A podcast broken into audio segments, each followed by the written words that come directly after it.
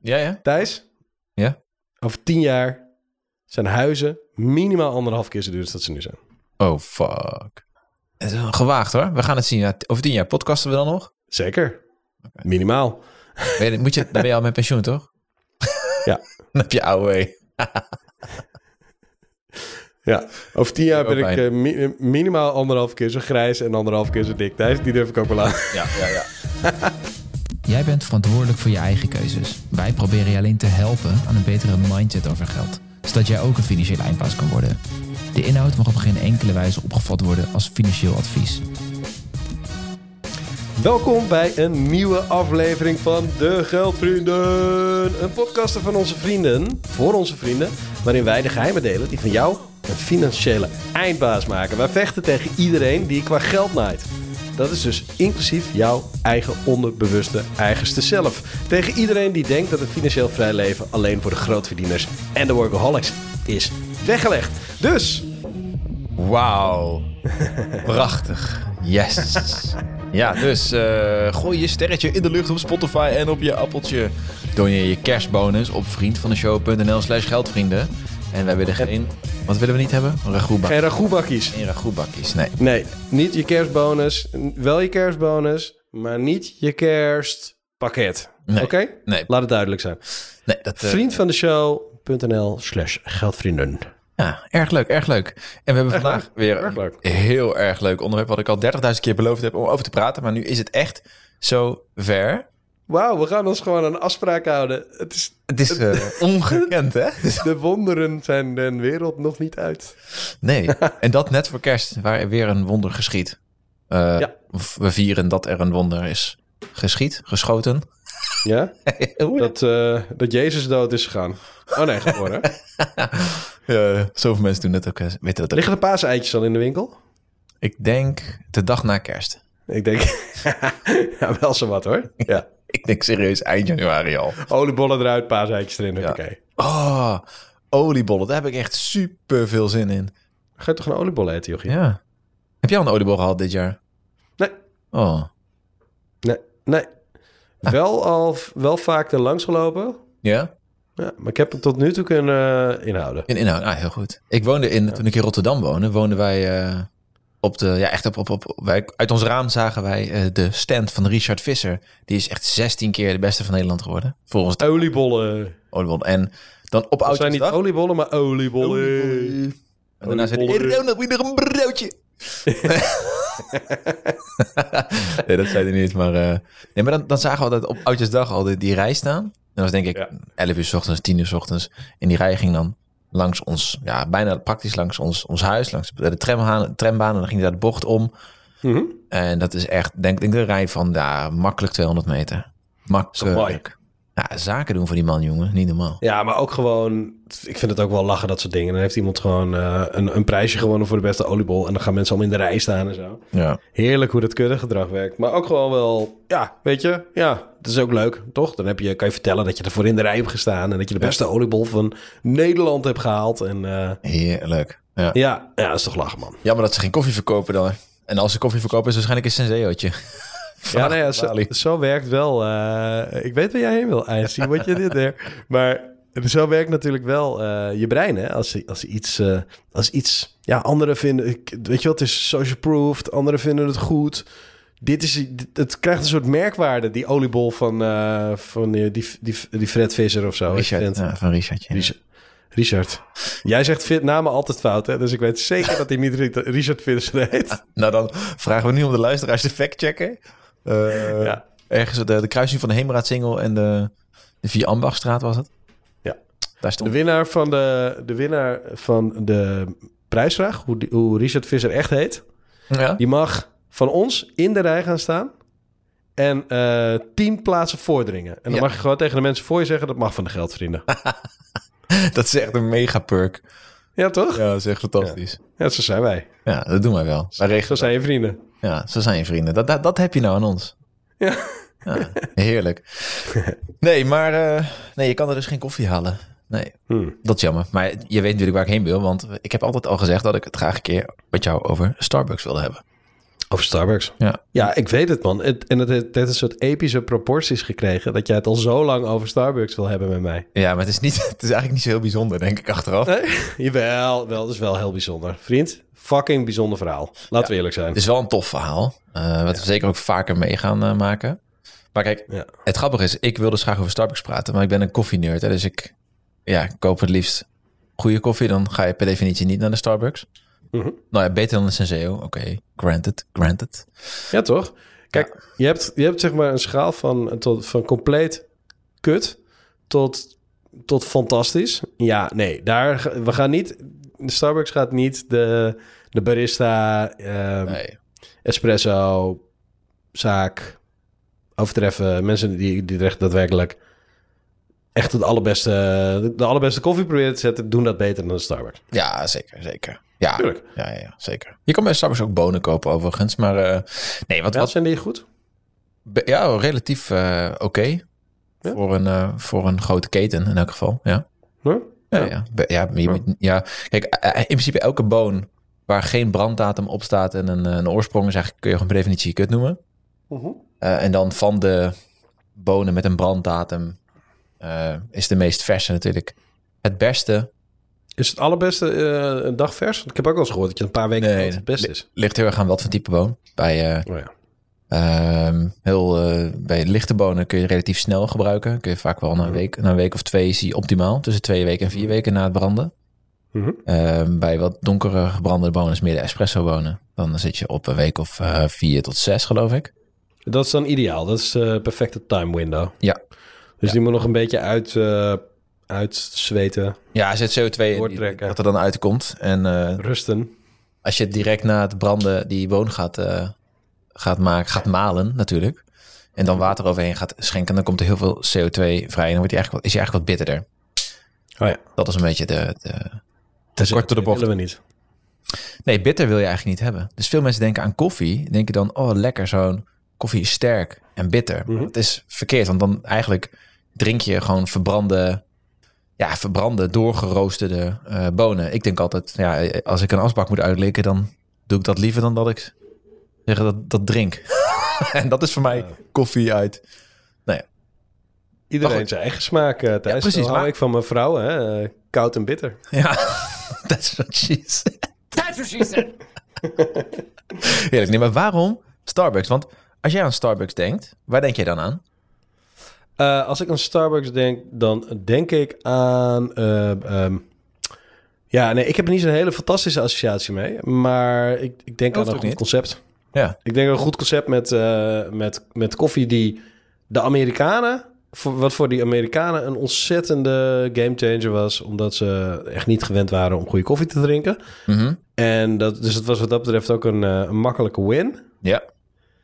Maar bij Starbucks denk ik ook wel aan een, eh, een, beetje, een, eh, een beetje te veel show en te weinig kwaliteit. Ja, nou, ik denk Voor dat dat eh, over, over het algemeen... Maar dat is mijn associatie, hè? En, en, en tegelijkertijd snap ik wel... Ja, dat is, het is wel slim. Ik vind het wel heel knap hoe ze, dat, hebben, hoe ze die keten hebben weten op te bouwen. Ja, want het is natuurlijk begin... eind jaren 70 of zo beginnen ze, ze begonnen, denk ik, zoiets, ja. En het nam echt een vlucht midden jaren 80. Eh, Mhm. En zijn natuurlijk bekend geworden door zo'n een huiselijke setting... waar mensen zich Ja. thuis voelden. Want je kreeg echt zo'n keramieke kop. Iedereen was vriendelijk. Het was meer een soort buurthuisidee. Later kwamen bij de, de afhaalkoffies... natuurlijk de verkeerd gespelde klantnamen op de koffiekopjes. Ja, en daarmee zijn ze slim. gewoon echt keihard eh, gegaan. Eh, Ja, dat is zo slim. Hebben ze het gewoon lekker persoonlijk mee weten te maken. Ja, Ja. eigenlijk was het gewoon... ehm, ehm, ik, ik, ik zit heel erg op framen tegenwoordig. Dat vind ik heel interessant. Eh, Starbucks heeft, het, heeft de koffie eigenlijk gereframed als een... Zoals het zelf heel mooi zeggen... Affordable luxury. Ja, Betaalbare luxe product. En dat, was, dat is koffie zoals wij tegenwoordig kennen. Afhaalkoffie vaak wel. Hè? Eh, een, eh, een mooie mooie espresso van een, eh, van een goede koffiezaak of een, of, of een cappuccino of zo, of zo. Dat is het natuurlijk al wel, maar, maar Starbucks heeft dat gebracht naar Amerika. Weet je? Die hebben die affordable luxury. ja, ja. En die heb je dan ook nog eens een keer, hebben ze dan ook nog eens een keer heel erg ingezet op dat sociale. Dus je hebt een sociale plek naast zeg maar je huis en je werk. En dat is geworden de zogenaamde wereldberoemde third place, de derde plek. Oh, ja, ja, ja. Ja, dus je had je huis, je hebt je werk en dan had je je derde plek. En dan kon je lekker samenkomen, koffie drinken, werken, whatever, waar je maar zin in had. Starbucks. Nou, dat is allemaal niet zo heel... Dat is tegenwoordig allemaal helemaal niet zo heel bijzonder meer. Maar dat, ze hebben dat echt gemunt. Zeker, dat was toen echt wel, echt wel... Daarom zijn ze zo ontzettend hard gegroeid. En dat zonder Ja. dat ze eh, franchise-nemers hadden. Ja, ze wisten gewoon... Ze hebben gewoon goed, goed kunnen ontdekken... waar mensen nou uiteindelijk behoefte aan hadden. Ja. En dat is Ze heel goed die vraag achter die Heel vraag weten te begrijpen. Niet van de hele lekkere koffie of wat dan ook. Nee, het ging erom dat ze gewoon een, een extra plek hadden in hun leven waar ze van koffie konden genieten. Ja. Onder andere. Ja. En nu, nu Ja. vraag je je af, ja, maar, maar Thijs, wat is er dan zo boeiend aan Starbucks? Nou, één, dat ze zo hard kan groeien zonder franchising. Hè, Dus eigenlijk alle zaken zijn van hunzelf. Hè? Ja. Wat is franchising precies? Ja, dat mag jij uitleggen, toch? Dat was, Ja. Jij bent de slimme hier. Ik de slimme? Oh. Ja, dan heb, dan heb je niet geboft. Maar Nee, bof is als je niet hoeft te baffen, uh, Jeroen. wat? Wat zegt u? Ik zei... Boffen is als je, als je niet hoeft te baffen, zei ik. Oh, oh, oh, oh. Oh, oh, oh. Daddy's back. Ai, ai, ai. Oh, sorry, ja, het is echt... Probeer ik een keer serieus te zijn, krijgen we dit. Ja, sorry, ik kan het gewoon niet laten. Als dit jouw versie van serieus is, oei, oei, dan wil ik je niet zien. als, je probeert foute grappen te maken. Maar anyways, Ja, ja, ja. ehm, franchising, het concept. Je neemt een formule aan, je neemt een naam aan, eh, vaak zelfs financiering zit erbij. Deel vaak. En op die manier start je bijvoorbeeld een McDonald's. Of een Albert Heijn. dan- Ja. Of een Albert Heijn, of eh, weet ik veel wat. Heel veel, heel veel winkelketens zijn gegroeid door middels van franchisers. En dus eigenlijk, eh eh, er zitten hele strenge regels aan. Dan moet het precies lijken alsof het, eh, alsof het een echte McDonald's of eh, echte Albert Heijn is. Ja. Merk je als klant, als het goed is, helemaal niks van. Nee. Maar de constructie is zo dat een andere ondernemer jou eigenlijk, eh, jou, jouw formule gebruikt en ervoor zorgt dat je ja, kan groeien. Dat er gewoon dat er steeds meer, steeds meer van die zaakjes eh, wereldwijd oppoppen. Zo plop, plop, plop, plop, plop. Ja. En dat is een, eh, daar heb je een ijzersterke formule voor nodig. En, en nou ja, Starbucks zou dat zeker, zou er zeker de potentie voor hebben. Maar ze hebben het dus zonder franchising weten te redden. ja, dat is fucking fantastisch. Ja, Alles onder eigen controle. alles onder eigen controle, ja. En dus heel lang ook een CEO gehad. Ja, Ja, ja. Maar hoeveel geld moet je daarvoor hebben joh, om zo groot uit te breiden? Holy shit. geen idee. Heel veel. Ja, toch? Ja, Ja, je, moet echt, je, je moet echt eh, heel veel verdienen. Nee, je moet, het moet gewoon heel goed lopen. ja. Ik heb- Wat is het totale aantal Starbucks eh, winkels wereldwijd? Stores? Hoe noem je dat een winkel? Dan moeten we even, Zaken? doe even live check, denk ik. Hè? Dat weet ik niet, heb ik niet opgeschreven. Stom, hè? Nou, ga ik eens even... Nou ja. Ik, Nou, ik weet in ieder geval wel dat, eh, dat ze iets van zeven vestigingen per dag hebben geopend in, hun, in het jaar waarin ze de meeste vestigingen hebben geopend. 2008 of zo is dat denk ik geweest. Hm, Maar goed, ja. in die periode hebben ze ook echt bijna duizend winkels gesloten. Ik denk dat ze nu richting de 30.000 vestigingen gaan. 32.000 zie ik Ja, hier ja. in 80 landen op de website van eh, Starbucks Dat is in echt Nederland. normaal. Ja, ik vind, het, ik vind het echt fantastisch. Echt super vet. Maar het leuke is ook dat die... eh, nou, het leuke helemaal. Je hebt, je, hebt, je hebt Howard Schultz, dat is die CEO. Die is in de jaren 80 CEO geworden. En daarna is hij in 2000 is hij afgetreden. Mhm. Eh, en hij was... Ze zien hem effectief als de founder van het moderne Starbucks. Eh, en vanaf 2000 gingen ze vooral internationaal uitbreiden. Het was Amerika een beetje overwonnen. Eh, Mhm. Maar dat ging... Nou, ja, toen kwam op een gegeven moment die hypotheekcrisis en het ging niet zo heel goed. Werd hij teruggevraagd in 2008. Ehm, in die rumoerige tijden. Ze hadden toen het slechtste kwartaal ooit. Ehm, en wat ze toen gedaan hebben, vind ik al vet. Ze hebben alle winkels gesloten voor één dag. Ja. Gewoon bats. Die Howard Schultz kwam terug. Oké, wat we gaan doen, we moeten gewoon een totale... Gewoon opnieuw opfrissen. We moeten gewoon vanaf nieuw beginnen. We moeten alle koppen bij elkaar. Nou, als je dat uitrekent, is iets van 6 miljoen in netto winst verloren gegaan. Die ene dag. Echt Mhm. Echt ziek, gewoon ziek.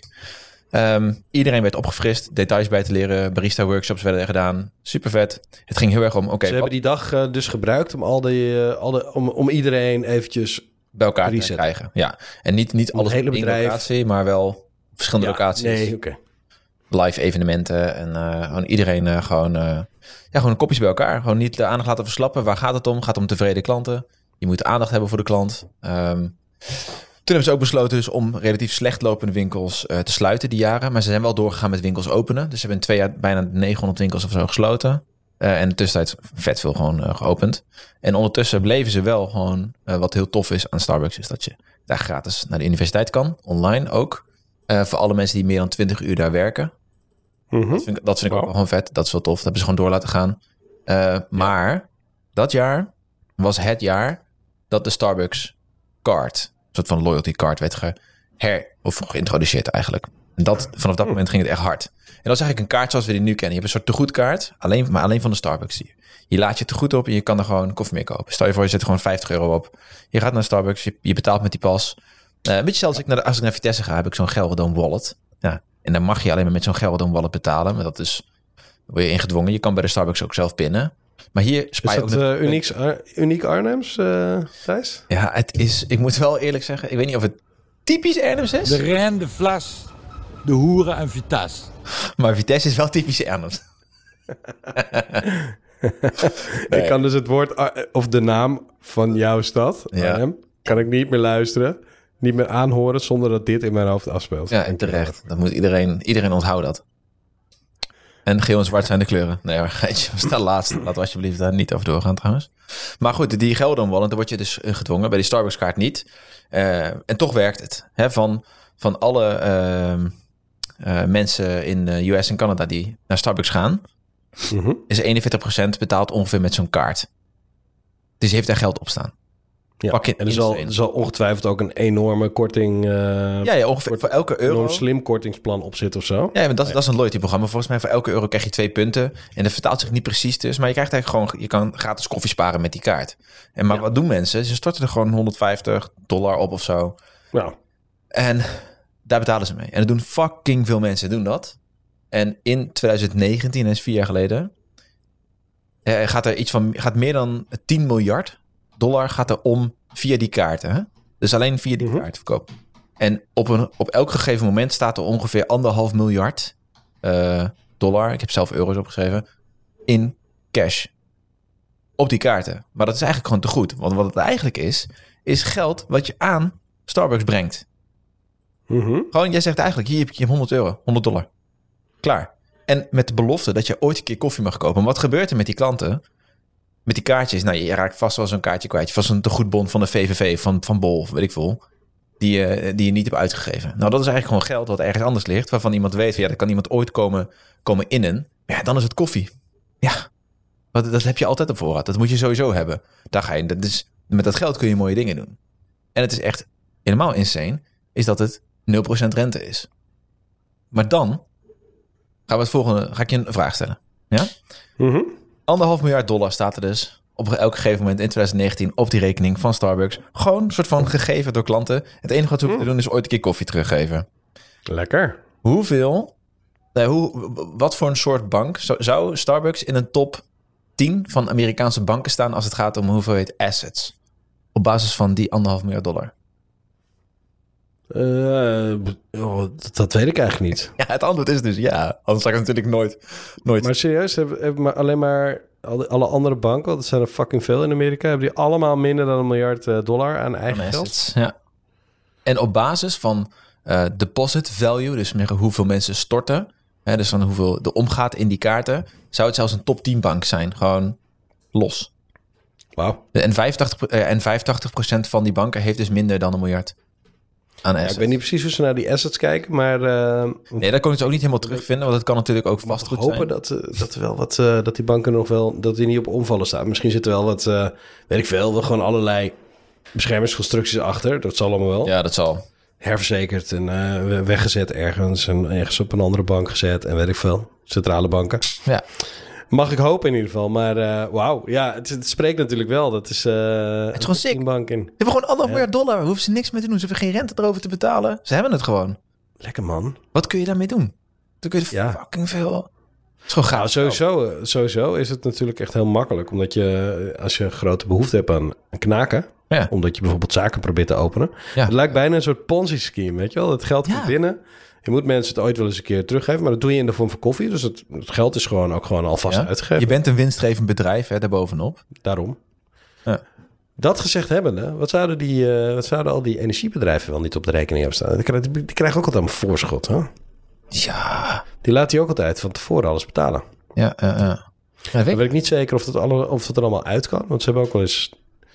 Ja, je krijgt ook wel eens geld terug en zo. Ja, Daar ja. moeten ze natuurlijk ook rekening mee houden. Ik neem aan dat ze wel wat kunnen met die voorschotjes. ja dat, ik denk het wel. Ik denk dat, eh, dat ze er hele slimme manieren voor kunnen bedenken om, het, eh, om dat te doen.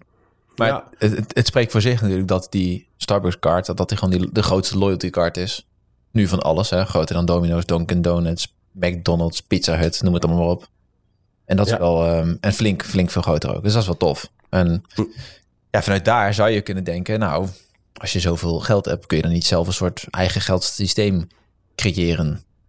Ik bedoel, als je, te goed, als je iemand niet goed kent en je moet iemand iets een cadeau geven, dan... Ja, in Amerika meer dan hier, maar dan is een Starbucks kaart, of te goed voor Mhm. kaart, is eigenlijk heel logisch.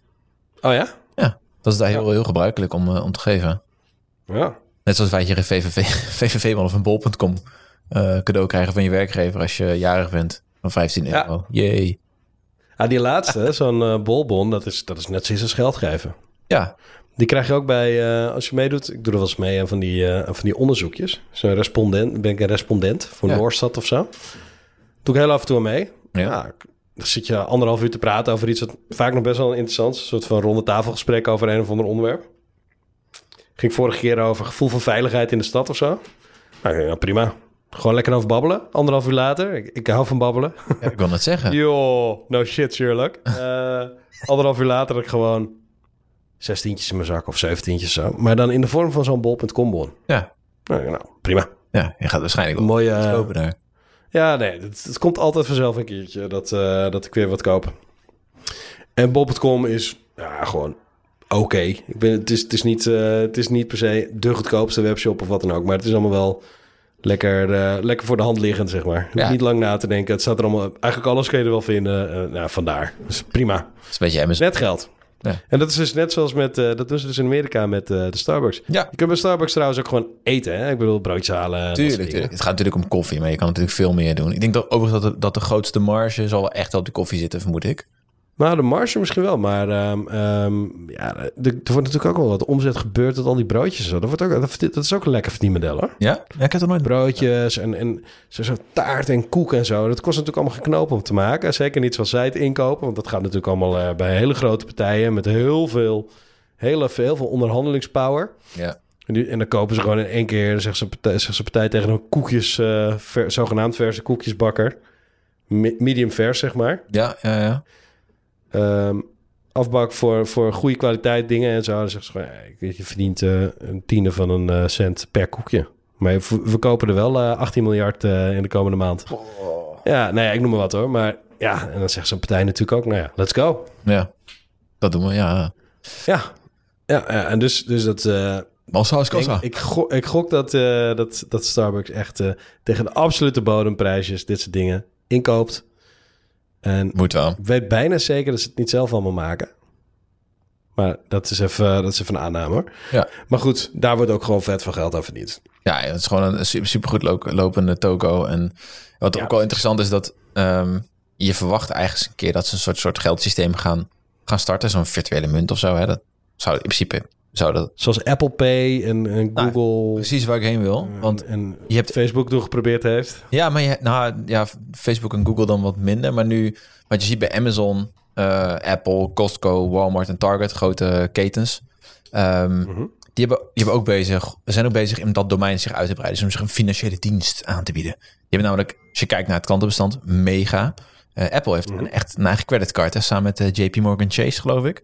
Hebben ze Ja. zo'n eh, eh, echt een eigen creditcard ehm, die ze gebruiken. Walmart heeft een eigen Walmart bankcard. En Walmart is een soort van one-stop shop idee.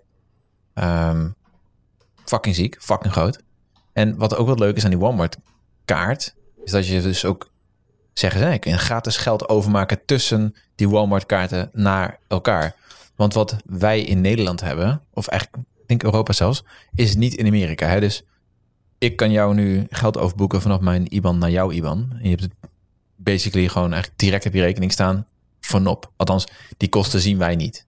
Die, zitten, die worden ergens anders verdisconteerd. Waarschijnlijk tussen die banken, onderling ergens.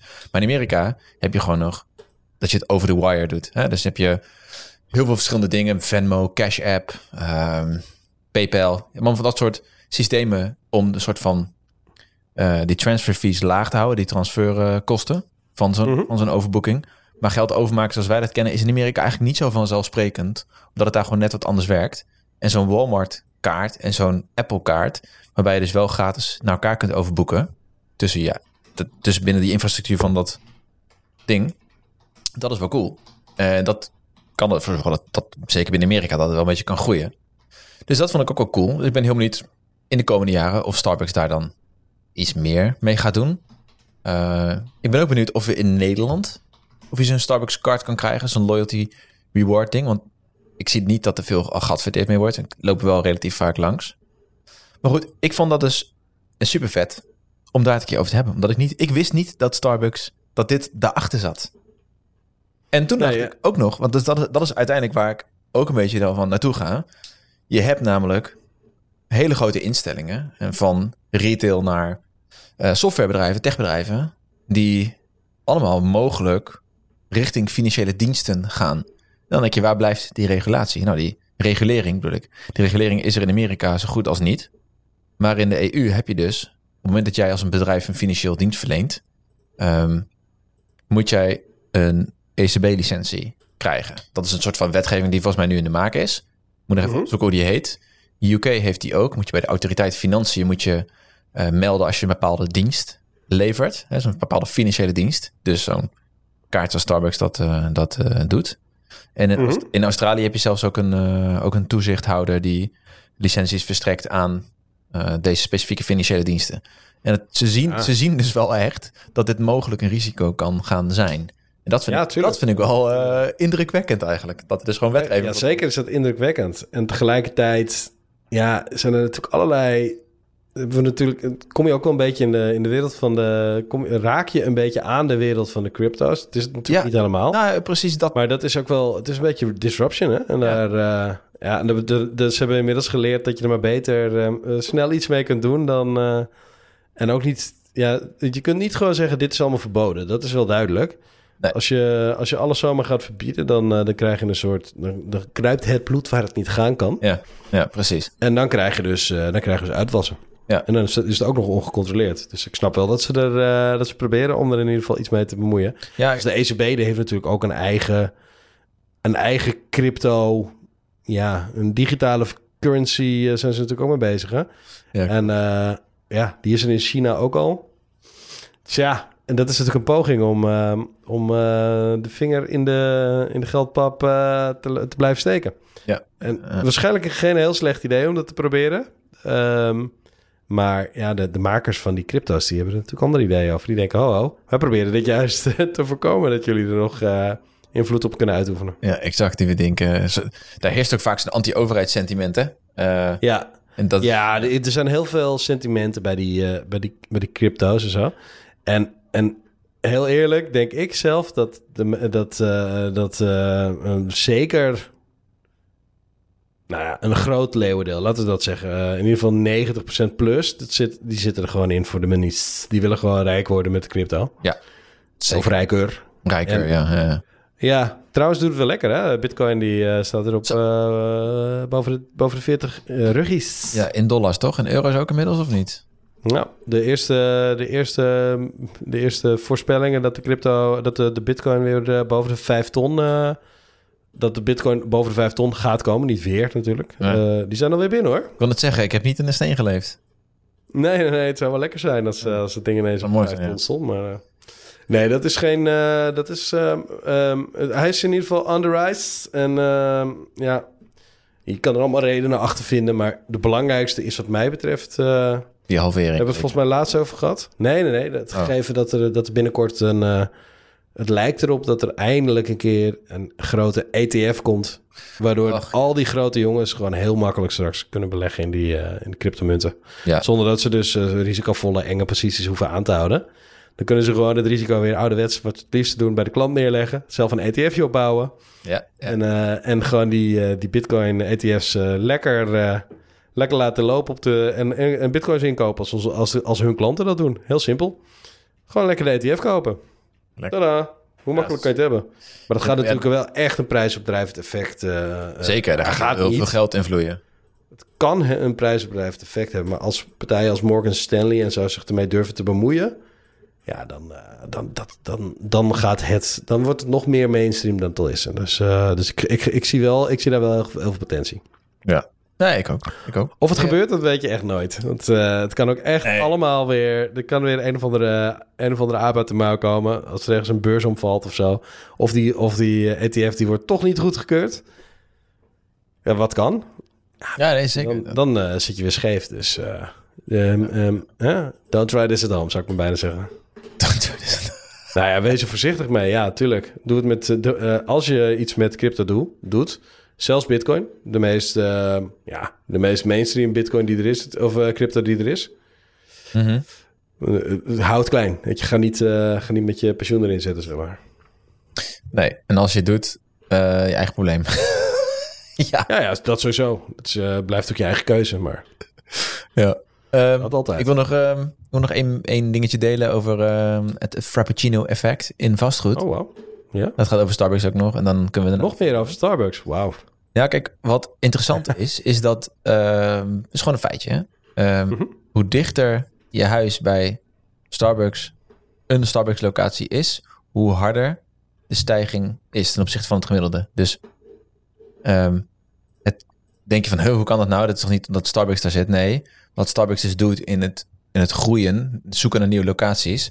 is, Mhm. zijn zij blijk, gebleken, hè? zij zijn heel erg goed om opkomende wijken te scouten. Oh, leuk is dat. Ja, ja, ja. Zo, dat is het. Dus je weet gewoon als er een Starbucks bij je in de buurt komt, dan denk je, yes! Ik Ja, dan zit je- wijk te pakken. Mijn huizenprijs gaat, eh, gaat, gaat booming. En daarbij wordt het hier leuker. Ja, dat, dat, is, dat is een beetje het, eh, hoe het gaat. Lekker, man. Grappig. Ja, zo heb je dus ook, ken je ook, eh, ken je de, ehm, wat is het ook alweer? De Hamburger Index. De Hamburger Index, ja, die ken ik. Ja, die vind ik ook leuk. Zullen we die heel kort eh, even doornemen? Heel, Ja. heel snel. Oké. Je hebt zo'n index, die is volgens mij, als ik het goed heb, van The Economist of zo. Ja? Eh, en die, ehm, die kijken naar de prijzen van dezelfde hamburger. Ik dacht dat het een Big Mac was. Big Mac Big is, Mac ja. Index wordt volgens mij ook wel genoemd, ja. Ja. Ja, en dan kijken ze wat die Big Mac kost in verschillende landen. En als dan blijkt dat bijvoorbeeld een Big Mac in Zwitserland exorbitant, exorbitant duur is, omgerekend naar dollars eh, ten opzichte van eh, de Amerikaanse. ja, of Ja, dan is de Zwitserse munten. Ja. Ja. Euro's, maar in Zwitserland, eur- ehm, ehm, of eh, sorry, ja, je vergelijkt het dus met elkaar. Je kijkt naar, in Zwitserland is hij veel duurder dan in Japan, of, eh, of in Noorwegen, of, eh, of in eh, Gabon, Hm. whatever. Doe wat. Eh, en dan, dat, daarmee kun je dus zeggen van, oh ja, nou, ja, dan blijkt dus dat daar de inflatie, eh, of dat daar de, de- het prijsniveau hoog is. En vaak zie je dat die andere landen daar naartoe kruipen. Dus dan weet je, van, dan weet je dus welke, welke landen voor en achter lopen in de, in de ontwikkeling. Je kan wat conjunctuurgolven zien, inflatie. En, en het, het wordt dus ook gewoon gebru- gebruikt door beleggers om in bepaalde munten te beleggen. Zeg, ah, die, die munt is ondergewaardeerd, want de Big Mac Index Het geeft is het. fucking vet. En dan, je kan ook nog, je kan live gewoon kijken. Je kan de RAW index kiezen en dan eh, voor het BBP eh, eh, gecorrigeerd zelfs. En dan zie je dat die, ehm, de, de RAW index voor een, eh, dat, de, dat er dus op basis van die Big Mac index, dat de, de, een Big Mac kost 5,28 euro in de euro area en 5,58 dollar in de US. Eh, en dan de exchange rate implied is eh 0,95. En het verschil tussen die en de actuele exchange rate van 0,91 suggereert dat de euro 4,3% overgewaardeerd is. En Ja. als je dan dus... Ah ja, en als je, dan, eh, als je, dat dus, eh, als je daar dus op zou willen handelen... zou ik trouwens een ander valutepaar misschien uitkiezen dan een euro en dollar. Want die eh, zijn wel erg... eh, ja, Japanse, Japanse yen of zo. Die zijn over het algemeen... Ja, ja oké. Er, zit- er zitten minder imperfecties in, in in die markten, zeg maar. Ja, Maar ja, je kunt er dus op handelen. Het zou kunnen. echt super. Ja, Libanese ja. pond, Saudi, de Saudi-Arabische rial. Je kan soms ook gewoon luisteren naar mensen. Hè? Wat ik ook wel interessant vind, is dat eh, ik sprak eh, vorige week het nieuwe vriendinnetje van mijn eh goede vriend David. Ja. Die, die, die, komt uit, die heeft heel lang in Londen gewoond. Die woont daar nu nog steeds trouwens. Die, komt, uit- die, heeft, die is daar ja, een soort van opgegroeid. Ja. Daar en in Zwitserland trouwens ook. En die, die, die zei... Die lachte zich helemaal rot over hoe goedkoop Amsterdam was. En wij denken allemaal, Amsterdam echt onbetaalbaar. belachelijke prijzen, af voor alles, weet je wel. Ja. Maar die zei echt van, Ja, maar echt, je kan hier gewoon een biertje kopen voor 3,5 euro. Hoe de fuck is dat? En ik denk, nou ja, 3,5 euro is fucking duur. Maar ja, zij- en daar betalen voor een eh, ja, nou ja, 3 320, 350, ja, zoiets. Ja, ja. In, de- in, als je echt in het centrum bent, in een, Vind ik, even de duur. hotspots, zeg maar. Huh? Dat vind ik ook niet duur. Ik drink nooit niet zoveel, niet zoveel bier. Nee, nou goed, laten we zoiets uh, uh, grofweg, Ja, weet je Big Mac is En makkelijk. toen eh, Nee, wat een, wat, een, wat een pint kost in, in Londen. Ja. Ja, weet je, dan zit je gewoon 10, 10 11 pond is niks. En dan zit je helemaal niet in het centrum. Oh, En als je gewoon een grub, een pub grub of zo, nou, een pub maaltijd naar binnen werkt. Een hamburgertje. Nou, 50, 50 eh, pond of zo. Vloep, Jezus. zeg maar je. Hamburgertje en een biertje, 50 pond. Eh, dus ja, weet je, het is allemaal heel relatief. Maar dan weet je ook meteen wat je kunt verwachten van de huizenmarkt de komende jaren. We vinden het allemaal nu duur, maar over 10 jaar, ik durf hem, die durf ik echt bijna aan. Nee, ik durf hem gewoon aan. Ja, ja. Thijs, Ja? over 10 jaar zijn huizen minimaal anderhalf keer zo duur als dat ze nu zijn. Oh, fuck. Het is wel gewaagd hoor. We gaan het zien. Over tien jaar podcasten we dan nog? Zeker. Minimaal. Ben je, moet je, dan ben je al met pensioen, toch? Ja. Dan heb je AOW. Ja, over tien jaar ben ik eh, mi- minimaal anderhalf keer zo grijs en anderhalf keer zo dik. Thijs, die durf ik ook wel aan. Ja, ja, ja. Hey, maar eh, als zo'n huis dan zoveel duurder wordt, hè? Ehm, Ja. Dan is een, is een ander ehm, een belangrijk ding is om jezelf te wapenen. hè? Te wapenen. Ja. Oké, hoe zorg ik er nou voor dat ik dat kan blijven betalen? En we hebben het vaak over eh, beschermen voor inflatie door middel van beleggen, dat soort zaken. Maar je hebt een andere Mhm. truc waar ik echt heel erg veel van hou. En dat is gewoon, je moet meer gaan verdienen. Hoe verdien je, Ja. hoe, hoe verdien je nou meer? En leuk is dat ook een, een vraag kregen, of meerdere vragen zelfs, hier over dit onderwerp. Mhm. Ehm, en ik dacht, ik heb vanzelf even een paar dingen opgeschreven. Ehm, Ja. En dan kan ik even zeggen hoe ik erover denk, of hoe ik het zie. En dan dacht ik van, ja, kun jij het, eh, kun jij het doen? Mhm. En het eerste wat bij mij in me opkomt is om mee te verdienen is, eh, is hop, die job. Ik denk namelijk dat als jij een, gewoon even naar een andere eh, plek gaat kijken, je ziet de vacatures staan voor hetzelfde werk wat je doet, Mhm. eh, dat de kans heel groot is dat je elders 20%, 25% prima meer kunt vragen. Of je het krijgt, weet ik niet. Maar ik denk dat je het echt een groot deel, groot deel daarvan, van de mensen dat wel krijgt. Ehm, Omdat ook gewoon, zeker in deze markt, hè, maar altijd, dus eigenlijk een jobhop is een mooi moment om te zeggen, nou dan laat ik mijn oude salaris achter en dan wil ik een grote stap maken. Je zit toch vaak, En zou je dan nog, eh, hoe sta jij erin? Zou je dan nog teruggaan naar je huidige werk? Stel, ja, je vindt je baan nog steeds leuk. En Ja. dan ga je naar je baas toe. En dan zeg je, ja, je baas, sorry. Je werkgever toe. Of je opdrachtgever. Kan natuurlijk ook. Dan zeg, je, zeg je nou, eh, eh, Pietje op de hoek, die eh, wil 25 euro eh, of 25% meer betalen. ja, Ik kan haast geen nee zeggen. Vind je dat, zou je dat doen? Of zou je zeggen dat eh, dat ship has sailed, dan had hij er zelf mee moeten komen? Zou je Ja, nog ook- teruggaan eventjes? Want het is natuurlijk, het is natuurlijk aan de ene kant is het natuurlijk, eh, geef je daarmee de, je huidige werkgever de kans om je te behouden. ja, In plaats van dat je gewoon opeens weg bent. Maar aan de andere kant is het ook een beetje lelijk. Je bent dus ook een beetje tegen elkaar aan het uitspelen. Ja, kijk, dat ligt een beetje aan de, in, aan de, de hoe zeg je dat nou, de, de motivatie die- die erachter ligt. Kijk, je kan, je kan, als je puur voor het geld jobhopt, ehm, ja, en je krijgt, het, je krijgt het, dan moet je het gewoon doen, klaar. Maar Mhm. dat is meestal niet de reden waarom mensen weggaan. De meeste, je, je gaat niet, je- mensen gaan niet echt jobhoppen voor meer geld. Dat, dat, is, het min, dat is de minderheid gewoon. De, me- de, me- de meeste mensen zijn gewoon niet tevreden en de salaris is een component daarvan. Meestal is het gewoon eh, dat een, eh, een leidinggevende is vaak gewoon niet. eh, Nee, dan wordt het natuurlijk makkelijker. Dan wordt natuurlijk Ja. makkelijker. Als je, als je toch niet zo blij bent. Ja, Eh, je- Aan de andere kant, je, je neemt ook een risico hè, door naar een andere, andere werkgever te gaan. En Ja. daar zijn we allemaal, ik denk dat we dat risico over het algemeen een beetje overschatten. Maar we zijn dan bang dat we, dat we ons daar bijvoorbeeld nou, niet gewaardeerd voelen, dat het niet lekker gaat werken, dat je, dat je de, cultuur niet bij je gaat passen. ja. Je kan het allemaal moeilijk inschatten. Je kan er nog zo'n leuk, zo'n lekker gevoel bij hebben, maar je moet het toch eerst een tijdje uitproberen. En ja, weet je, je, moet- je, hebt, nog, je hebt nog te maken met kansen. En, en krijg je die kans ook echt waarvan ze zeggen dat je die krijgt? En nou, er zijn duizenden, duizenden factoren die ervoor kunnen zorgen dat je ergens te lekker in zit of juist niet. ja. Ehm, ja, en dat is natuurlijk wel een risico wat je neemt. Weet je. je neemt het risico op een tegenvallende nieuwe baan. Ja. Of misschien zelfs een bedrijf dat je per ongeluk net op, op het moment instapt dat het bedrijf eh, Dat het bedrijf, bedrijf eh, twee maanden later eh, opeens, eh, opeens de helft van het personeel eruit gooit, waar- waaronder jou. Kan natuurlijk ook gebeuren. Dat, Dus je neemt ook een risico. Dan moet, dus dan moet ook wel echt een serieus verschil zijn. Ga niet jobhoppen dus voor 5%. Nee, Maak dan ook echt een stap. ja, daarom zeg ik ook... Dat, ik denk dat 20%, 25% zo is, nou, is gewoon een stelregel. Ik zou dat, dat, is, dat is helemaal niet gek.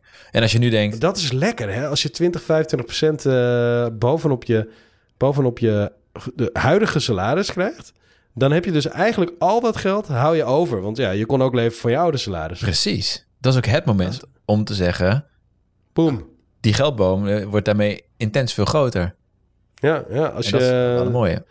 Zo, je kan zomaar, we- weet ik veel wat, 500 euro meer gaan beleggen per maand of zo. Dat gaat aantikken, joh. Niet normaal. Zeker. Maar goed, dat Want is... ja, Ja? Dat gaan we, dan gaan we dus niet, gaan we dus niet in de, in de lifestyle creep eh, stoppen. Hè? We gaan dus niet opeens uh, mooiere broeken kopen. Nee, nee dat, dat Nee, gebeurt nee. natuurlijk wel op het moment dat je net bent begonnen met werken. Hè? Dus als jij... Gebeurt iedereen volgens mij een beetje hoor. Ja, maar vooral, ik denk vooral als je ehm, net begint met werken. En Ja.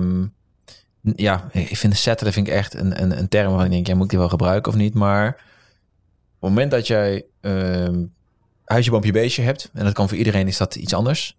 Ehm, Dat is het moment dat je vanaf dan zal ja, lifestyle creep wat minder snel om de, om de hoek loeren. Maar als je net bent begonnen met werken, je bent voor het eerst, eh, ga je jezelf eh, ehm, eh, een, een studio huren of een appartement of een huis kopen of zo.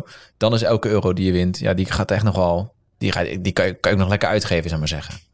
Ja. Maar op het moment dat je wat verder bent in je, in je werkende carrière, is die lifestyle creep, ja, die is denk ik wat minder groot. Nou, je moet er in ieder geval voor waken. Dat is in ieder geval Altijd. belangrijk. Dat je niet denkt van, eh, ook mooi, dan kan ik meteen even... eh, Nieuwe aan auto. Ja, als je niet uitkijkt, dan, dan ga je inderdaad eh, ga je in spullen meer, meer geld stoppen bijvoorbeeld. Of, Eh, eh, daar word je niet gelukkig van. Of ja, kijk, misschien wel. Hè, als, je, als je goed weet wat je, wat je nou echt gelukkig maakt. Als je bijvoorbeeld echt een food affinado bent. Oh ja. Als je echt gek bent op food. Ja, en dan kan je een keertje extra uit eten gaan. Prima. Of duurder uit eten dan je gewend bent. Dan kan je, kan je een keer een boeken om het te vieren. Ik snap dat wel. Heus wel. Het is ook niet zo dat het leven straf moet zijn. Maar kijk uit dat je, dat je dus niet al je geld laat wegcijpelen richting allemaal shit waar je eigenlijk niet blij voor wordt. Ja, precies. Dat is inderdaad wel de, de keerzijde. Maar hop de job. Oké, dat is eh, Dat is- regel 1 van meer verdienen. Ja, Ga, ga, de, eh, eh, ga gluren bij de buren. ga gluren bij de wereld. Ja. Zal ik doorgaan naar, naar twee wat ik opgeschreven heb? Zeker. Ik denk dat ehm, onderhandel meer en dan ook meer dan je comfortabel voelt. Dus je hebt elk jaar waarschijnlijk een soort van evaluatiegesprek of performance review, of hoe het ook heet bij jullie. Uh, Ja. En daar zit je altijd, va- vaak als je in een CAO zit, zit je vast aan, eh, als je het eh, eh, goed doet, krijg je eh 4%. En als je het uitstekend doet, krijg je 6%. Al dat soort bullshit. Vraag Mhm. meer. Vraag veel meer. Gewoon veel meer. Echt gewoon, Ja, maar ze hebben gewoon een schaal. En het, Maakt niet uit. gewoon, doen ze niks mee. dat is die... Nee, ik speel even advocaat van de duivel hier, hè? Ja, maar dat is, dat is hun probleem. Eh, net zoals ze zeggen van eh, ja, in een goed jaar eh, delen we met de winst en in een slecht jaar wat dan? Ga je dan je werknemers ook in de verlies laten meedingen? Nee, dat is het bedrijfsrisico. Een een bedrijf heeft een risico ehm, eh, dat het goed gaat of slecht gaat. En in goede tijden gaat een bedrijf daar keihard op. En in slechte tijden gaat het bedrijf er ook slecht op. Maar een, een werknemer heeft niet hetzelfde voordeel. Dat jij een CEO had, heb je een vaste uitkering van 4% eindejaarsuitkering. En als een bedrijf in één keer een echt super mega groei heeft meegemaakt, Mhm. dan moet je blij zijn een keer met een incidentele eh, uitkering. Maar op het moment dat jij gewoon het goed doet in je werk en je ziet dat het bedrijf het heel goed doet en je vindt, je vindt dat je meer verdient, moet gewoon nog meer vragen. Het is echt, Ja. als je niet, als je je wat ik leuk vind hieraan? Thijs, als het, als het je één keer lukt, krijg je een soort benchmark. Precies. En benchmark, hoe hoog je die benchmark elke keer legt, hoe meer je... Ja, nu- gaan we een beetje, een beetje in het vagere terechtkomen. Maar je gaat dan ook zelf... Je hebt, je hebt ook een, zelf een gevoel bij... Ja, maar dag, ik ga niet werken voor minder dan X. Exact. Want ja, dat kreeg ik daar ook al. Ik ga, ik wil heel veel meer dan X. Ja. Want ja, dat krijg ik daar al. Weet je wel, dus als je je eigen, je eigen lat steeds, steeds eh, hoger blijft pushen... Ja, dat helpt wel. Ja, Ehm, en, en dat gaat je ook in de loop van de jaren gaat dat... Ja, dat is een soort, bijna een soort rendement op rendement effect. exact. Het blijft elkaar, dat blijft maar groeien. Ja. En, en denk in percentages. Denk niet in... In harde eh, knaken. Nee. want het voelt altijd veel als ze zeggen... Nou, dan krijg je er 200 euro bij. Ja. Maar als je 4000 euro verdient... dan is 200 euro op zich maar 5% bruto. Eh, ja. En dat is best weinig. Eh, ja, vind ik wel. Ja. Ja, nou ja, voor als je daar zo, eh, zo keihard voor moet onderhandelen. Zeker als, eh, Ja, als je precies. met 10% inflatie te maken hebt, zoals afgelopen jaar. Ja, in die context zeker. dan moet je 10% plus moet je sowieso voor gaan. Ja. lijkt mij. Ik ook. En als je baas het echt, eh, echt gewoon echt niet kan en, de en, en, eh, en, je, en je bent niet van plan te jobhoppen, prima. Maar ga, eh, vraag het op zijn minstens. Het is eigenlijk net zoals met die, met die eh, waar we vorige keer over hadden, die providers. Stel Oh, ja, ja. gewoon eens, Ja. vraag gewoon, joh, krijg je korting? Joh, krijg ik opslag? Het is de Maar- mindset. Het is, de, Ja. het is gewoon van... Als je dit doet... Het is wel handig als je, als je bij de onderhandelingen natuurlijk, als je ook wel weet wat je, eh, als je eventjes een, een, een soort beeld hebt bij jezelf van ja, oh ja, waar, waar, waar ben ik ook weer goed, o- eh, goed in? Wat heb ik goed gedaan? In, hoe, in hoeverre sluit het aan bij de doelstellingen van het bedrijf? En als je die combinatie goed weet te maken van ja, kijk, wij willen dit meer. Daar heb ik hier een voorbeeld van. Weet je nog dat je toen zo blij was? Et cetera, et cetera. En probeer het natuurlijk ook altijd bij een positief eh, een moment wat dat je voelt van... nou, ik heb een paar eh, positieve slagen ge- geslagen. Zeg ik. Ja. Op de juiste, op de beste manier laten zien. Dat doe je ook voor jezelf, weet je wel. Je wil gewoon, je wil gewoon goed zijn in je werk. Ja. Als je op dat moment dat je echt denkt van... nou, hier ben ik even... Ik ga, ik ga even lekker. Dat is natuurlijk ook een mooi moment om je, om je onderhandelingen in te gaan. Ja, zeker. Dat is, het is ook ja. uiteindelijk allemaal mindset. En dan kan je wel zeggen van ja, dan moet je, gewoon- zo moet je denken of zo. Nee, dat, je moet het ook een beetje echt menen. Een beetje voelen. Ja, precies. Ja, dat, Dus dan is het handig dat je een beetje een overzichtje hebt van, eh, van waar, je, waar je lekker bent gegaan. En eh, wat, wat, waarbij je, waar je hebt kunnen bijdragen, impact maken. Ja, Eh, dat soort exact. En dat is wel leuk, want dat is het laatste punt dat ik opgeschreven heb. Dat is heb ik gezegd, maar vooral wees zichtbaar en eis die credits op. Er is, Oh ja. er is niks anders zo belangrijk eh, als het, het zichtbaar zijn in een organisatie. Dus Oh eh, je hebt, het is misschien heel vervelend voor alle introverte mensen op de wereld. eh, en het is heel contextafhankelijk. Hè? Ik ben namelijk op bepaalde punten vrij, vrij extravert. Hè? Extra, extravert is het, hè? Ja. Ja. Maar eigenlijk best wel introvert op andere punten. Het ligt gewoon heel erg aan in welke context ik me bevind. Maar op het moment dat jij zichtbaar bent en laat zien dat je het goed doet, zul jij meer waardering krijgen. En het is dezelfde reden dat, eh, dat eh, aantrekkelijke mensen eh, meer makkelijker iets voor elkaar krijgen dan minder aantrekkelijke mensen. Wat ook weer een, subjectieve maatstaf is natuurlijk. Maar het is wel een, een fenomeen wat, we, wat, je, wat je volgens mij ziet. En dus met zichtbaarheid is ook gewoon, ja, wees zichtbaar. Eis die credits op. Ehm, en daar kun je vervolgens iets mee doen. Ehm, Het is wel een goed punt dat je dat noemt. Want het valt mij op dat jij... Je bent echt bepaald niet aantrekkelijk. Maar je hebt wel toch... toch heel veel credits opgeëist. Nee, maar je hebt je, hebt, eh, je, hebt je altijd goed weten te posi- positioneren. Dat heeft je een hoop, heeft je een hoop eh, mooie stappen op, opgeleverd. Gewoon, inderdaad. Maar ook een beetje... Wees ook, wees ook een beetje... ehm, ja. Zorg dat je ook gewoon, ook, ook, ook gewoon een beetje, beetje, beetje, weet je veel, nieuwsgierig, enthousiast. Ja. Dat je gewoon, dat je, dat je laat, dat je, voor, dat is voor jezelf leuk, weet je wel. Dat je, dat je opstelt op een bepaalde manier. Dat je je niet laat uitdoven omdat je je baas haat. Of omdat je gewoon... Voordat dat gebeurt moet je eigenlijk al weg zijn. Maar als, je, als, als, het, als het wel gebeurt, probeer je er een draai in te geven. Lukt het niet, ga het ergens anders proberen. Ja. Maar hou die frisheid en, die, en het enthousiasme erin. Dan, dan ga je ook, dan ga je vanzelf ook zichtbaar zijn. Ja. Dan zeggen mensen, joh, ik heb met, ik heb met Thijs zo lekker samengewerkt. Dit hebben we gepresteerd. Gaan mensen, gaan, gaan mensen positiever over je praten. Dan krijg je inderdaad een beetje zichtbaarheid. En dat is uiteindelijk ook, weet je, die manager... Die, niet iedereen met wie je onderhandelt is, of, dat vind ik ook altijd leuk om even te, te benoemen. Ja. Niet iedereen met wie je onderhandelt is je baas. Of is de eigenaar van het bedrijf, bedoel ik. Degene met wie je onderhandelt is over het algemeen een middenmanager. Ja, zeker. En die middenmanager, die heeft gewoon een verhaal nodig waarom die jou meer zou betalen. Richting degene aan wie hij dat zal moeten uitleggen of zij dat zal moeten uitleggen. Ja. Eh, Vaak en opgelegd als die- met als die-? Ja, er zitten regels achter, maar ook daar is een bepaalde bewegingsruimte in.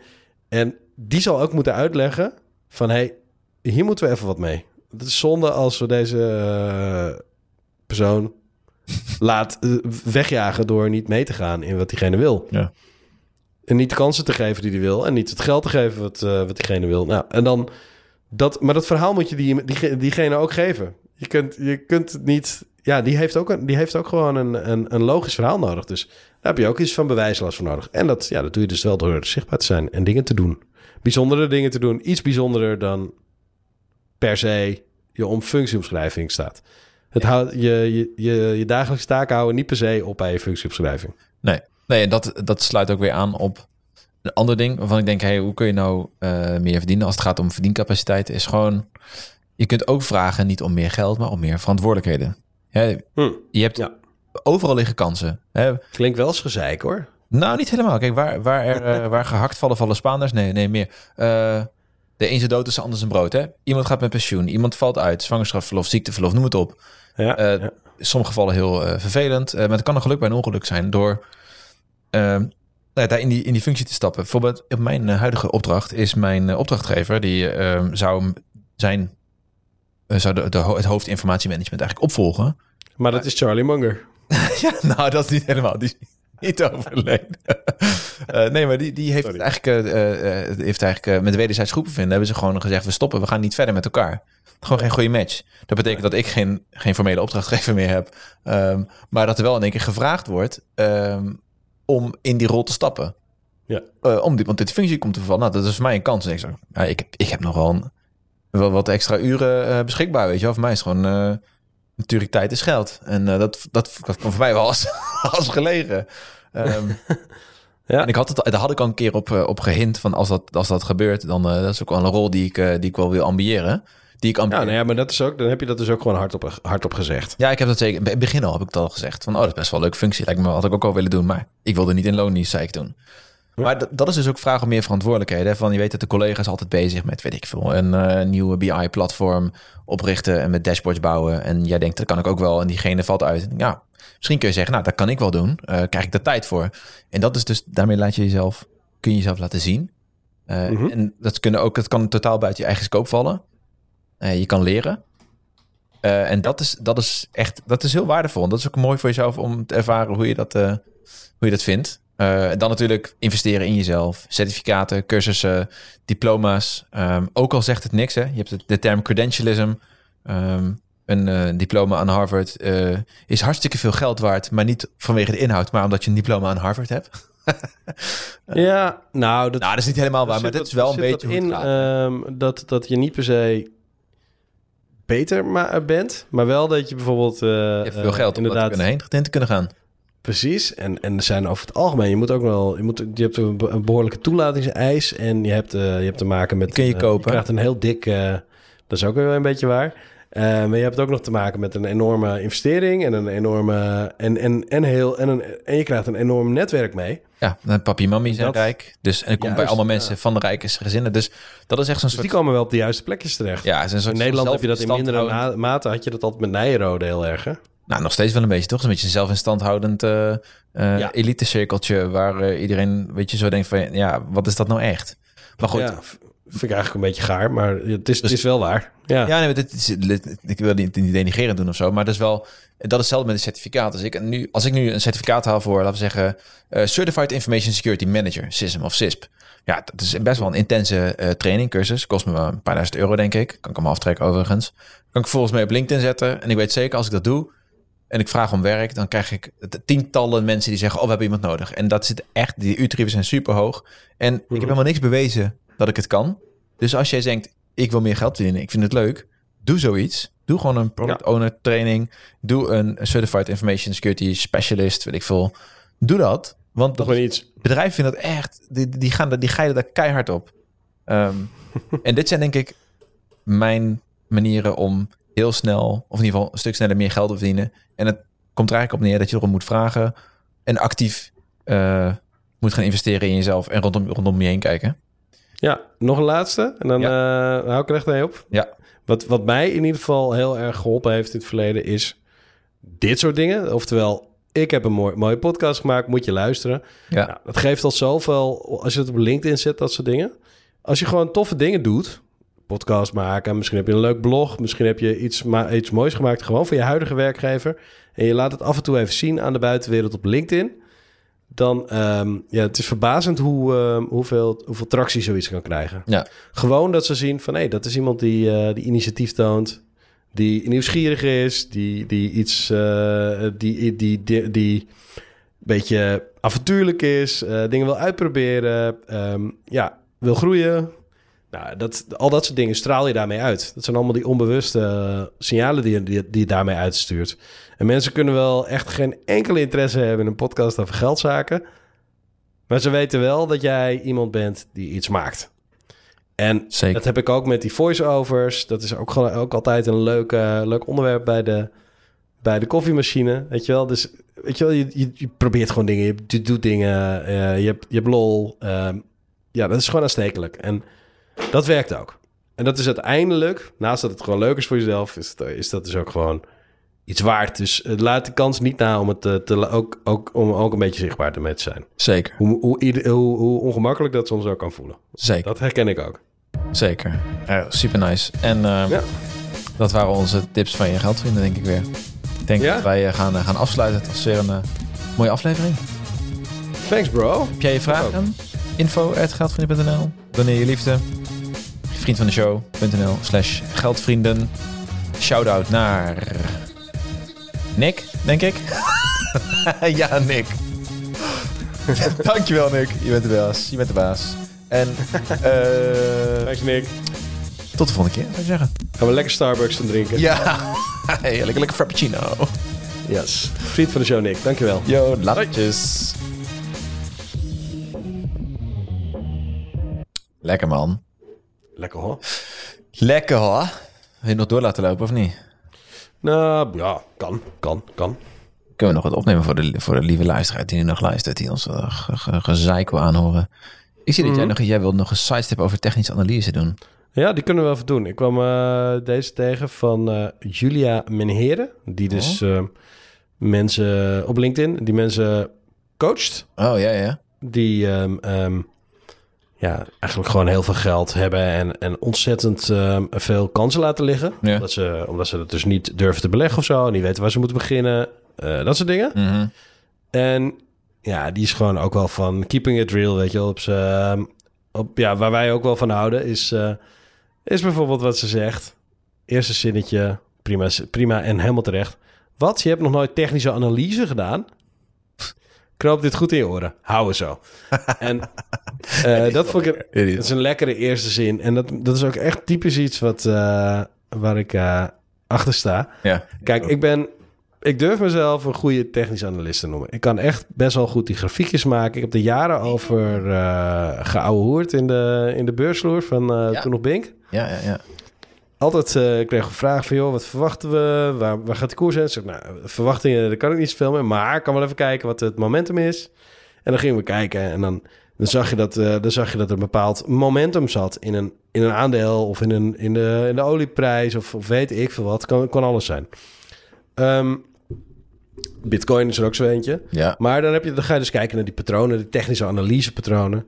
En lijnen trekken en zo. En ja, het zit, je zit nog wel eens goed. Maar op de een of andere manier komen die fouten, die, eh, die keren dat je niet goed zit. ehm, dat, dat je dus geld verliest. En dat mensen dus ook geld verliezen door heel druk te zijn met die technische analyse allemaal Mhm. naast dat het transactiekosten zijn en, en allerlei, allerlei gewoon ja, onoplettendheid en weet ik veel wat. Je, het is heel moeilijk om in- en uitstaptijd beide goed te timen. Op zo'n manier dat je daar dus geld aan verdient. En het kost ontzettend veel tijd. En hoe meer tijd je erin steekt, eh, hoe meer het lijkt alsof je, er, alsof je er bijna bent. Maar elke keer opnieuw maakt, eh, komt er weer eens een keer... om de zoveel tijd komt er gewoon een fuck-up voorbij... die ervoor zorgt dat je het minimaal allemaal voor niks hebt gedaan. Ja, ja, ja. En waarschijnlijk zelfs levert het zelfs negatief resultaat uit. Ehm, actieve beurshandelaren houden onderaan de streep het minste over. Minder dan inactieve beurshandelaren. En het beste zijn dus ook echt de dode beleggers. Ja, de mensen die, investors zijn de best investors. juist, mensen die gewoon letterlijk eh, dood zijn, die, die, eh, die verdienen, ja, die, die hebben er niet zoveel aan. Misschien hun nazaten, maar zij zelf natuurlijk niet. Nee. Want in je laatste jas zitten geen zakken. Oh shit. Maar ehm, wat wel echt grappig is, is dat, hij, eh, dat, dat, ja, dat, dat je het gevoel hebt dat, je, dat, dat het kan. Ja. En dat je het gaat proberen en dat je denkt, ik moet gewoon nog beter worden in die technische analyse. Ik moet nog betere grafieken maken. Ik moet nog meer cursusjes doen. Steeds verder komen. En, en, en elke, keer, elke keer denk je dat je er bent. En dan maak je een tijdje lang maak je winst. En dan, dan gaat de markt zich op een andere manier gedragen. Weet je, het wordt opeens veel Ja, het is in één keer de markt. veel grilliger. nee, ja, maar de beurs bedoel ik, die wordt grilliger. Weet je wel, de Ja, ja. prijsbewegingen worden groter.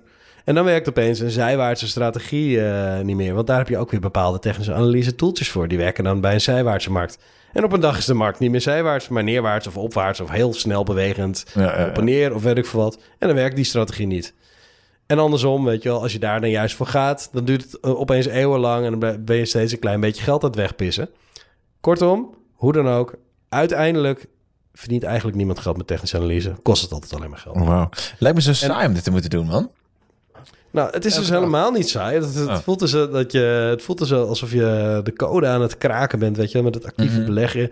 Je bent die beste aandeeltjes aan het, aan het eruit aan het plukken met het mooiste momentum. En je denkt, ik pak ze, ik ga, die- ik ga die, deze koers, ik ga deze koersbeweging meepakken en heel snel rijk worden en weet ik veel wat. Dus dat voelt allemaal echt fucking spannend. Ja. En dan kan je er nog, dan kan je er zelfs nog hefbomen op zetten en zo. Maar het probleem is dat je eh, dat, dat eh, ehm, de keren dat je geld verliest, dan kom je eigenlijk op een gegeven moment niet meer uit. Je draait jezelf gewoon steeds verder in de soep.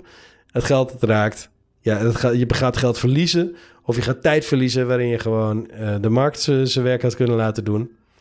En ehm, ik, ja, zelfs gewoon actieve keuzes maken. Ik zeg, ik kies gewoon tien aandelen uit in plaats van ik volg de hele, de hele wereldwijde index. Zelfs dat is op lange termijn minder succesvol gebleken Ja. Dan, eh, dan de beurs. En, en eh, ik las toevallig nog de nieuwsbrief van onze grote vriendin eh, Janneke. Oh ja, die heeft alles verkocht, hè? Ja, nou, die is gewoon overgestapt van de Ja, de andere waar. Omdat, en dan gaat ze... Een, wat, wat ging ze ook weer doen? Een ETF kopen? Ja, ja, precies. Nee, ze ging, gewoon, ze, ze, ging, ze ging gewoon van de ene naar de andere broker... omdat ze niet tevreden was met de service. Oh. Maar prima, ja, dat, dat, dat kan. Dus het was eigenlijk allemaal niet zo'n spannend verhaal. Een beetje klikbeterig. Maar wat, wat mij opviel is dat ze daarin zei van... ja, ik heb 11% rendement. Ja, maar... Toen ging ik kijken wat, eh, wat de index... gewoon wat zij volgt als... eh, als vind ik ook raar, een raar vergelijk. Want ze heeft veel Amerikaanse aandelen... en dan gaat ze... Ze, Ameri- ze wil de AX verslaan, toch? Ja, maar ja, Ja. als je Amerikaanse aandelen verkoopt... dan moet je niet de AX meer te verslaan... maar de Amerikaanse beurs, toch? Ja, moet je S&P volgen gewoon. Vind ik ook. Ja, precies. Maar goed, de benchmark is de AX. En die heeft ze dus gewoon niet verslagen na dividend dit jaar. Ja, dat gaat wel kosten gemaakt. Ja. En die staan er ook niet tussen. Ja. Dus dan denk ik, ja, weet je... En, en, en Janneke, die hebben wij natuurlijk in de uitz- uitzending gehad. Ja. Die, is- die zegt er hele verstandige dingen over. Die ziet het ook meer als een lolletje, een experiment... om het zelf te doen. Maar, weet je... ehm, voorbeeld zoveel dat het echt niet altijd lukt. En op lange termijn staat zij volgens mij nog steeds boven het gemiddelde rendement. Ja, dat ze Een stukje boven het gemiddelde rendement wat de AX al, al die tijd heeft gemaakt. Ja. Maar dat kan ook pure random, eh, pure random mazzel geweest zijn. Want ze heeft bijvoorbeeld... eh ze had op een gegeven moment had ze gewoon... eh, goed, ge, goed gegokt op, eh, op- Tesla. Heeft ze een tijdje ingezeten. Ja, en Galapagos. Ja. Ja. en als je daar de juiste timing voor had... Ja, dan zat je goed. Maar als je het aandeel Galapagos, eh, Galapagos eh, op het verkeerde moment... Ja, ik wil het zeggen, ja. Laat me zeggen in 2018. En je zou het nu nog hebben... Ja, wees. Dan is je er een heel stuk armer van geworden. Ja, precies. Dus dat is dus weer een timing ding. Ja, met met een huis kopen. Als jij toevallig eh, eh, een behoefte hebt om een groter huis te kopen... of een huis zelf te kopen en je hebt die kans om het te doen... je hebt het gedaan in Mhm. een goede tijd... kun je jezelf nou op de borst kloppen dat je een ton overwaarde hebt. Maar ja, dat, dat is niet omdat je op dat moment dacht... ik ga een huis kopen om een ton overwaarde over vijf jaar te hebben. Nee. En, en, het- en het moet gewoon, hè. Dat is, bij huis is nog iets anders overigens. Maar eh, ja, Nee, je moet toch ergens wonen, hè? Ehm, ja. je hoeft niet ergens uh, zomaar eh, geld te hebben in de beurs. Nee, dat is niet verplicht. Maar eh, Wel leuk. ja, nee, goed. Het is dus, eh, het is dus wel leuk dat... eh, en, en onthoud ook dat mensen altijd doen alsof je geld kunt verdienen met actief handelen. Dat je meer kunt verdienen, dat je het beter Kan doen. Maar de kans is niet zo groot. nou, dus, maar, maar de kans dat, jou, dat jij er dus meer door gaat verdienen is veel, vele malen kleiner... ja. dan de kans dat je, de, dan de kans dat je er slechter van wordt. ja. Namelijk, we, kunnen ervan uitgaan dat je, eh, dat je gemiddeld genomen niet beter bent dan gemiddeld. En zeker niet beter dan computers met algoritmes en zo. Nee. Me- beter dan dat word je gewoon niet als mens. Nee. Gaat je gewoon niet lukken. Behalve als je dus echt, eh, als je dus echt een ongekend, eh, over een of ander ongekend Max Verstappen-achtig talent bezit om te, om te handelen en, eh en een neusje ervoor hebt en zo. Dan misschien. Of dat je gewoon, gewoon een gouden pikkie hebt. Of sorry, eh, of iets anders, een ander geslachtsdeel van goud. Maar in ieder geval iets wat, eh de brein. dat je gewoon mazzel, dat je gewoon een masselaar bent. Ja, dat kan. Ja. Alleen masselaar, dit- ik heb nog nooit iemand ontdekt die zijn hele leven alleen maar geluk heeft. Nou ja, eigenlijk alle... Is dat niet de theorie dat al die hedge funds die nu nog bestaan... dat dat allemaal geluksvogels zijn? Nou, het is, het is gewoon een, eh, het is gewoon een, een, een bepaalde randomness. Hè? Als je er gewoon 50 eh, fondsen neemt en je laat ze allemaal gewoon willekeurig iets doen, net zoals met die apen die op, ja, op een, op een dartboard gooien. Je laat ze gewoon willekeurig iets doen, alle 50, dan zijn, er- zullen er altijd twee zijn met een enorme outperformance. Ja. En het heeft dus geen hol te maken. Als je het zo doet in ieder geval, heeft het geen hol te maken met hoe goed die twee zijn, maar het is gewoon dan puur geluk geweest. Ja. Het hele universum Eh. is ook een eh, puur geluk, hè? Het is gewoon... eh, ja, de Big Bang, boom. Hoe groot was die kans? Ja. Ja, ja, ja, ja, als we op een andere kloot hadden gewoond, in de aardkloot, dan, waren we, dan hadden we, er hadden we wij waarschijnlijk niet, nee, maar daar hadden wij niet gewoond. Nee, want er was er geen atmosfeer geweest waar wij mee konden bestaan of zo. Dat weet je niet, hè? Misschien bestaat hij wel. Nou ja, dat is dus... Nou ja, hey, science fiction, filosofie met eh, parallele universa en eh, dat soort dingen. Eh, fucking vet, maar daar gaan we niet nu over doen. Nee, maar eh, wat ik wel in ieder geval... Ik vond hem inter- interessant genoeg, omdat door die eerste zin... Knoop dit goed in je oren. Hou Hou zo. Nooit gedaan. Niet, niet aan beginnen. En wij hebben het allebei gedaan, hè? Ja, en als je het, als het je, dat is absoluut waar. Maar mocht je het een keer, mocht je een keer wel actief willen beleggen in je, in je, in je carrière, ooit in je leven, eh, beschouw het dan als een soort ontdekkingsreis. Ja. Maar besef dat je inderdaad in een casino aan het, eh, aan het proberen bent het casino te verslaan. Ja, lekker man. Ja, vind ik een hele mooie. Daarmee eh, sluiten we deze bonus aflevering ook gewoon. En laat, laat je geldboom er niet onder lijden. Inderdaad. Al, hè? Inderdaad. Laat je niet te hard.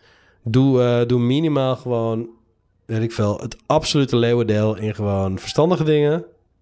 Voor de lange termijn. Een heel klein stukje, heel klein stukje een beetje gek doen moet best kunnen. Ja, vind ik ook. Maar niet te veel. Hm. Niet te veel. Nee, maar ja, goed. De verleiding zal groot zijn. Zeker. Dus laat je er niet in trekken. Nee man, blijf de koers. Tot de volgende. Ja, nou ja, dus dat. Nou, dat is... ehm, dat, dat, die wou ik er nog even bij vertellen. Hebben we deze gedaan, uh, Thijsing. Dankjewel. Ehm ja, tot de volgende keer. Spreek je snel. Ja, ik ga even lekker bakken halen bij de Starbucks. Ja, ik ook. Even een, Nee. een eh, pumpkin eh chai Pumpkin- latte. Pumpkin spice. Pumpkin spice chai latte. Oh, lekker. Double shot of espresso martini, Esma. Met vanilla ex- shot erbij nog en caramel. Gaan we nog Esma's drinken binnenkort? Is goed. Ik ben en eh, koffie en eh, drank. Ik bedoel, vaak hoe leuk te het? vinden. Dus dan kom ik eraan. Gezellig. Nice. Oké. Tot dan. Later.